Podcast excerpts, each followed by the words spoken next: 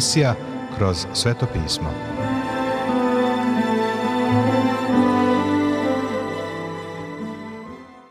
Dobroveče, poštovani slušaoci i dobrodošli u još jednu emisiju programa Kroz sveto pismo, programa koji je za vas napisao Vernon McGee, a pročitao Branko Bjelajac. Želimo vam prijetno i blagoslovljeno slušanje. Svi kažu teško pitaš kako ste Ko preživi taj pričace Na decu vrebaju, devojke prodaju Svi strahuju da izađu na ulicu Svi u problemima Pitaš se šta da radim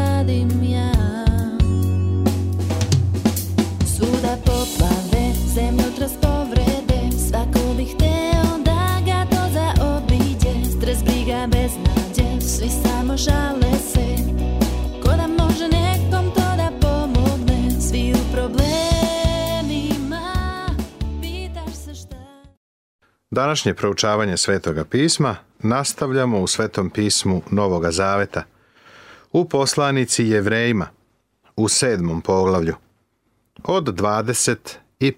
stiha. Sljedeći stih je verovatno ključni za ceo ovaj deo poslanice Jevrejima i predstavlja samu srž evanđelja stoga i može sasvim da spase one koji njegovim posredstvom prilaze Bogu, pošto da živi, da se moli za njih. Stoga, ponovo imamo ovu malu šarku na kojoj se drže velika vrata. Vrata se kreću tamo amo.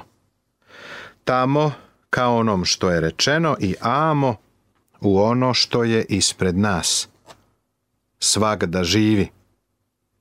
Pre svega, ovde se kaže da Hristos nije mrtav, nego da živi. Baš sad u ovom trenutku on je živ. Stičemo Hristovu smrti i vaskrsenje, ali bi trebalo da idemo dalje. Govorimo o živom Hristu. Više ga ne poznajemo po telu. Danas ga poznajemo kao prvo sveštenika koji je Bogu sa desne strane. Prijatelju, to je ono što treba da naglašavamo. Umro je ovde na zemlji da bi nas spasao, ali tamo gore živi da bi nas održao u spasenju. Stoga i može sasvim da spase one koji njegovim posredstvom prilaze Bogu. On može da te spase. Sasvim znači skroz do kraja. On te spasava potpuno i savršeno. On je veliki pastir koji do sada nikada nije izgubio ni jednu ovcu. Hoćeš li da znaš nešto? On nikada ni jednu ovcu neće ni izgubiti. Ako si pripadnik njegovog stada, Možda se osjećaš kao da ćeš se izgubiti, ali on je tamo gore radi tebe i pazi na tebe. Svagda živi, da se moli za njih. Moli se za njih, zastupa ih. Zastupanje je intervenisanje.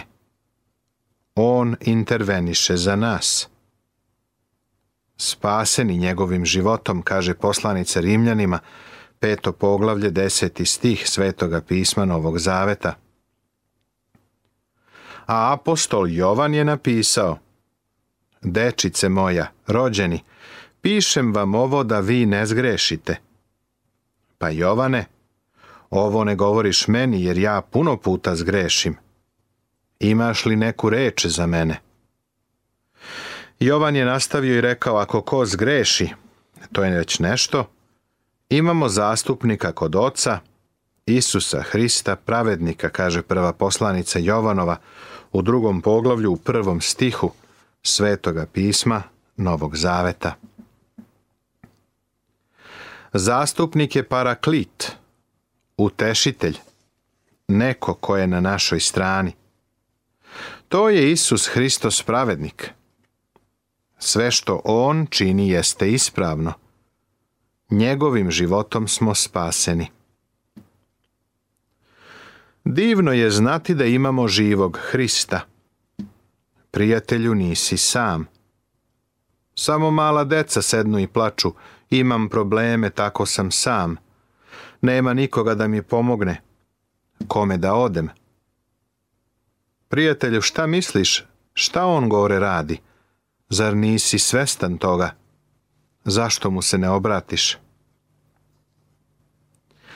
Sećam se kako sam razgovarao sa majkom jednog čoveka koji je napustio ženu i pobegao sa nekom drugom.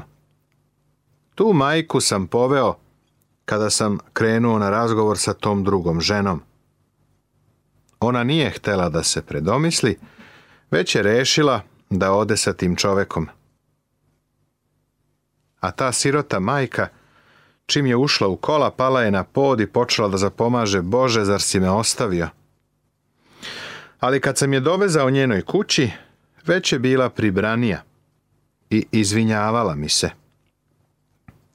Oprosti što sam rekla da me je Bog napustio, ne verujem da jeste. Uverio sam je da on živi, da bi nas zastupao i da u to može biti sigurna.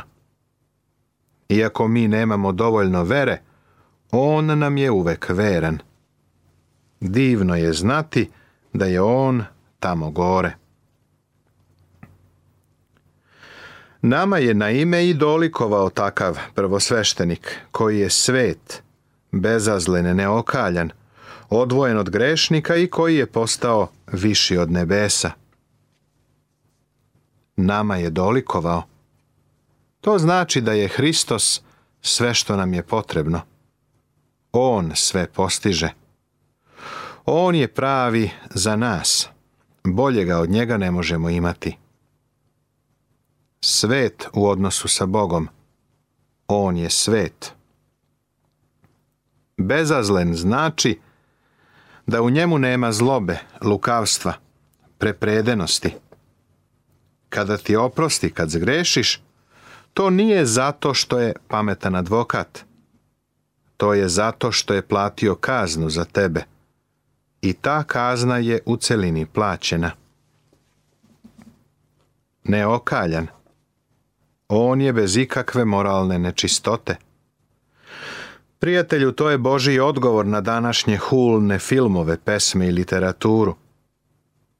Biblija jasno govori da je gospod Isus bio bez ikakve moralne nečistote.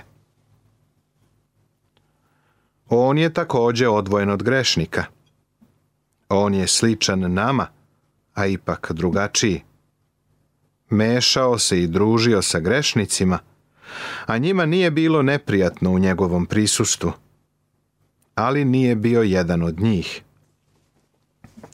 Neprijatelji su ga optužili da se druži sa carinicima i grešnicima. Činio je to, ali nije bio jedan od njih.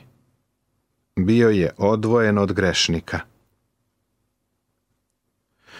koji nema svakodnevnu potrebu kao prvosveštenici da prinosi žrtve prvo za svoje sopstvene grehe, a zatim za grehe naroda, jer je on to učinio jednom za svagda kada je prineo samoga sebe. Gospodu Isusu nije bilo potrebno da prinese nikakvu žrtvu za njegove grehe. On nije imao greha.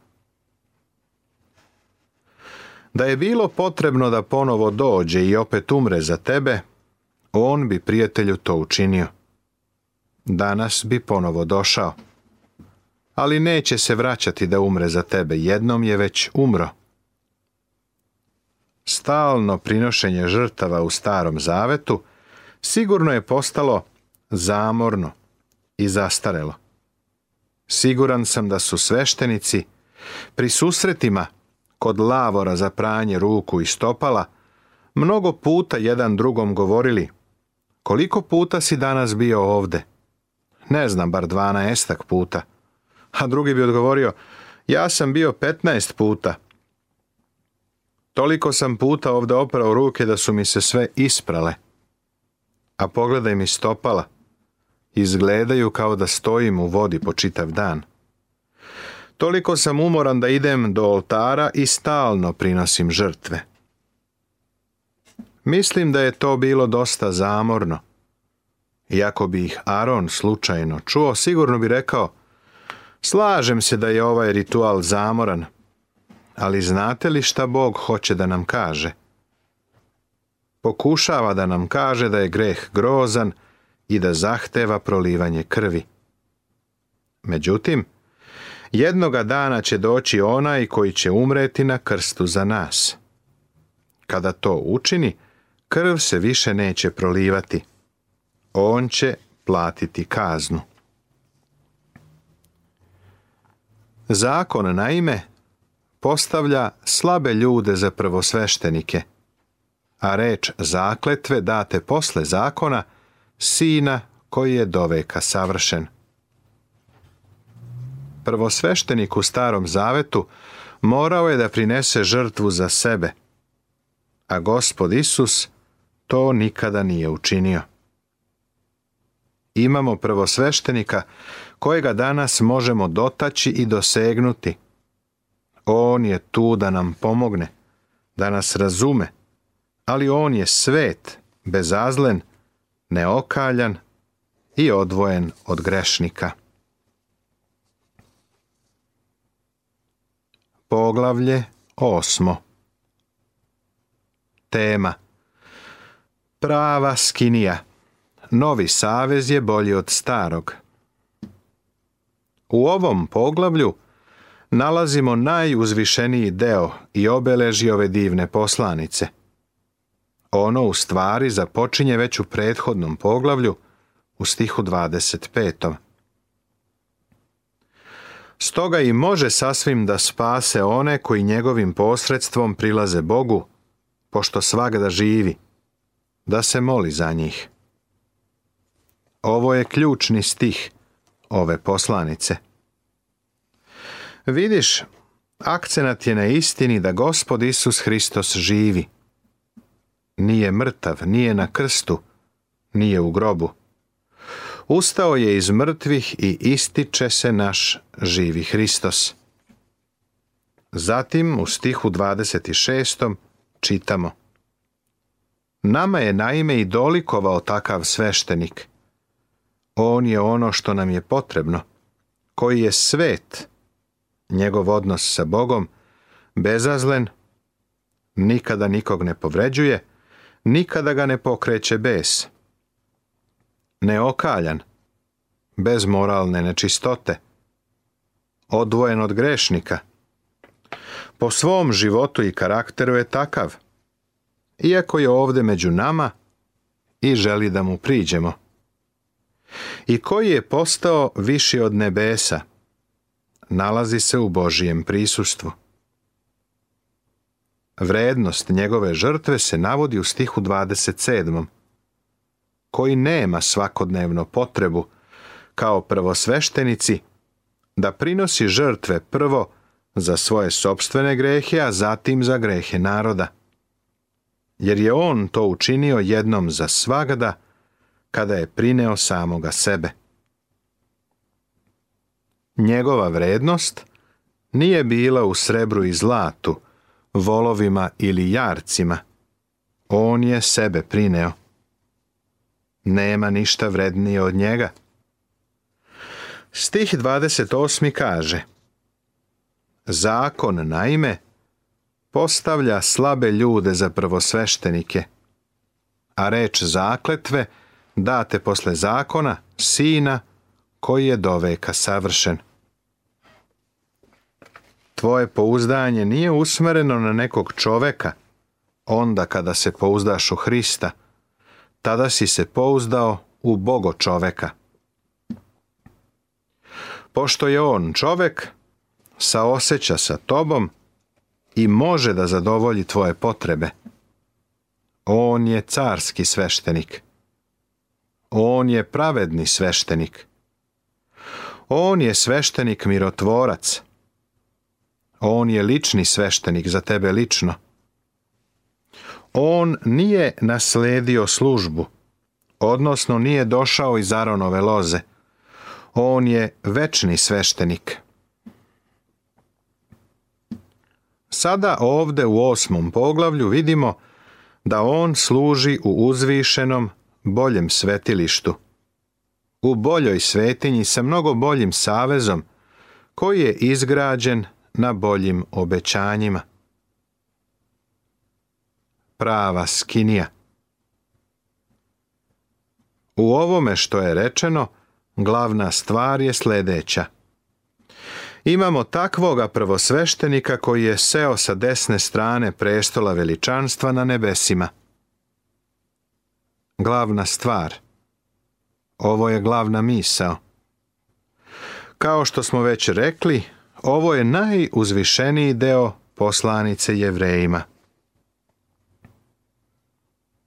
koji je seo sa desne strane prestola veličanstva na nebesima.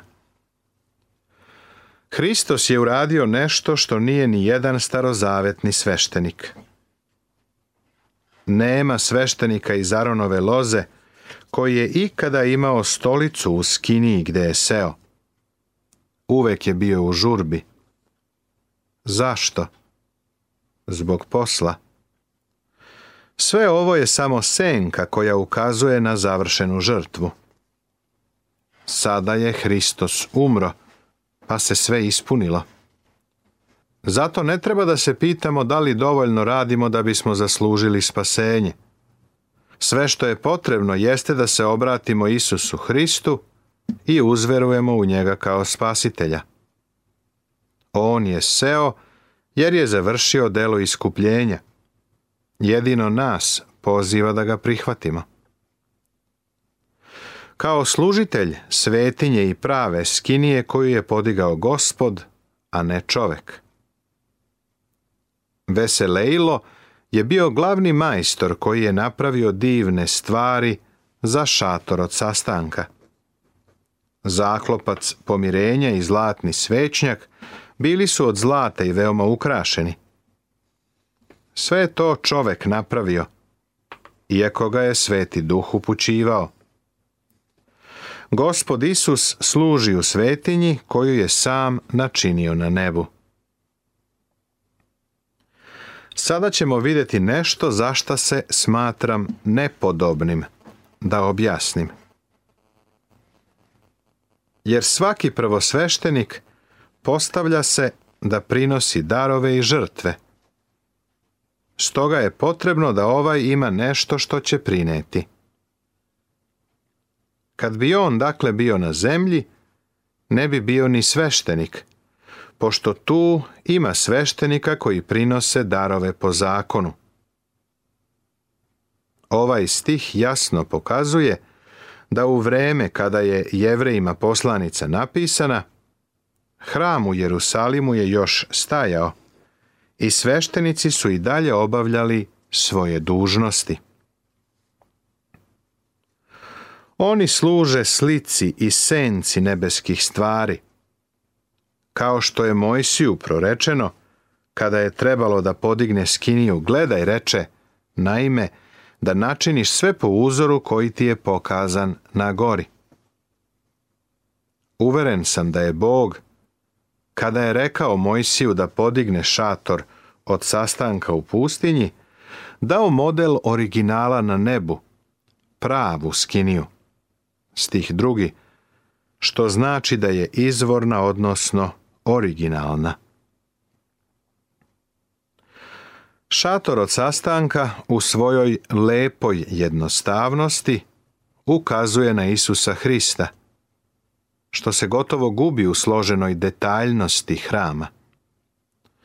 Strane skinije su bile uspravne, od dasaka koje su sa obe strane bile obložene zlatom. Bila je duga 30 lakata, a široka 10 lakata i podeljena na dva dela. Prvi deo se zvao svetinja. U njoj su bila tri predmeta. Zlatni svećnjak, zlatni sto za hleb i zlatni oltar gdje je prinošen tamjan i ništa osim tamjana. Svećnjak je bio slika Hrista, svetlosti sveta. Sto za hlebove ga je simbolički predstavio kao hleb života.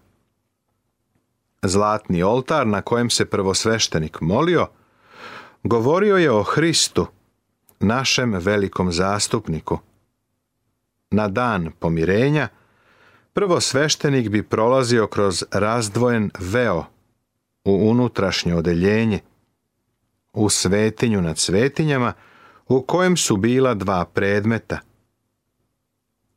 Prvi, kovčeg zaveta je bio kutija od drveta, optočena zlatom s polja i iznutra.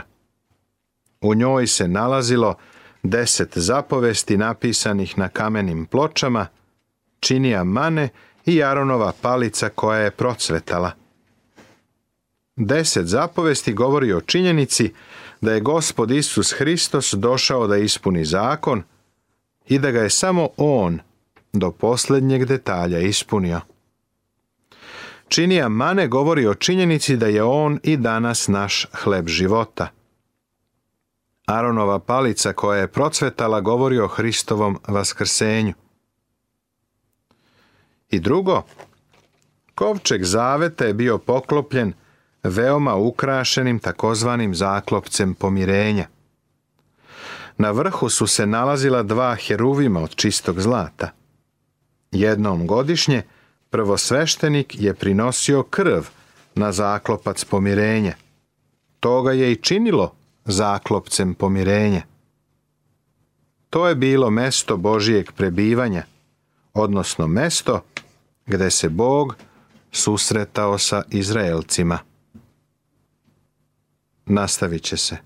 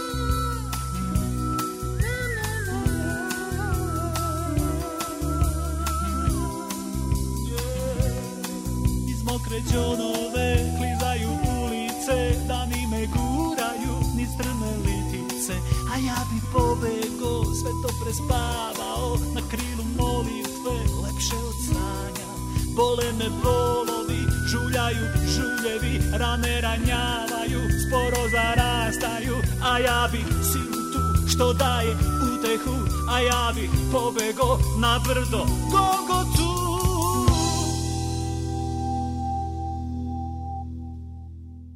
Poštovani slušaoci, završena je još jedna emisija iz serijala Kroz sveto pismo. Ovaj program možete da slušate svakog radnog dana na talasnoj dužini od 1548 kHz u vremenu od 22 sata do 22 sata i 30 minuta.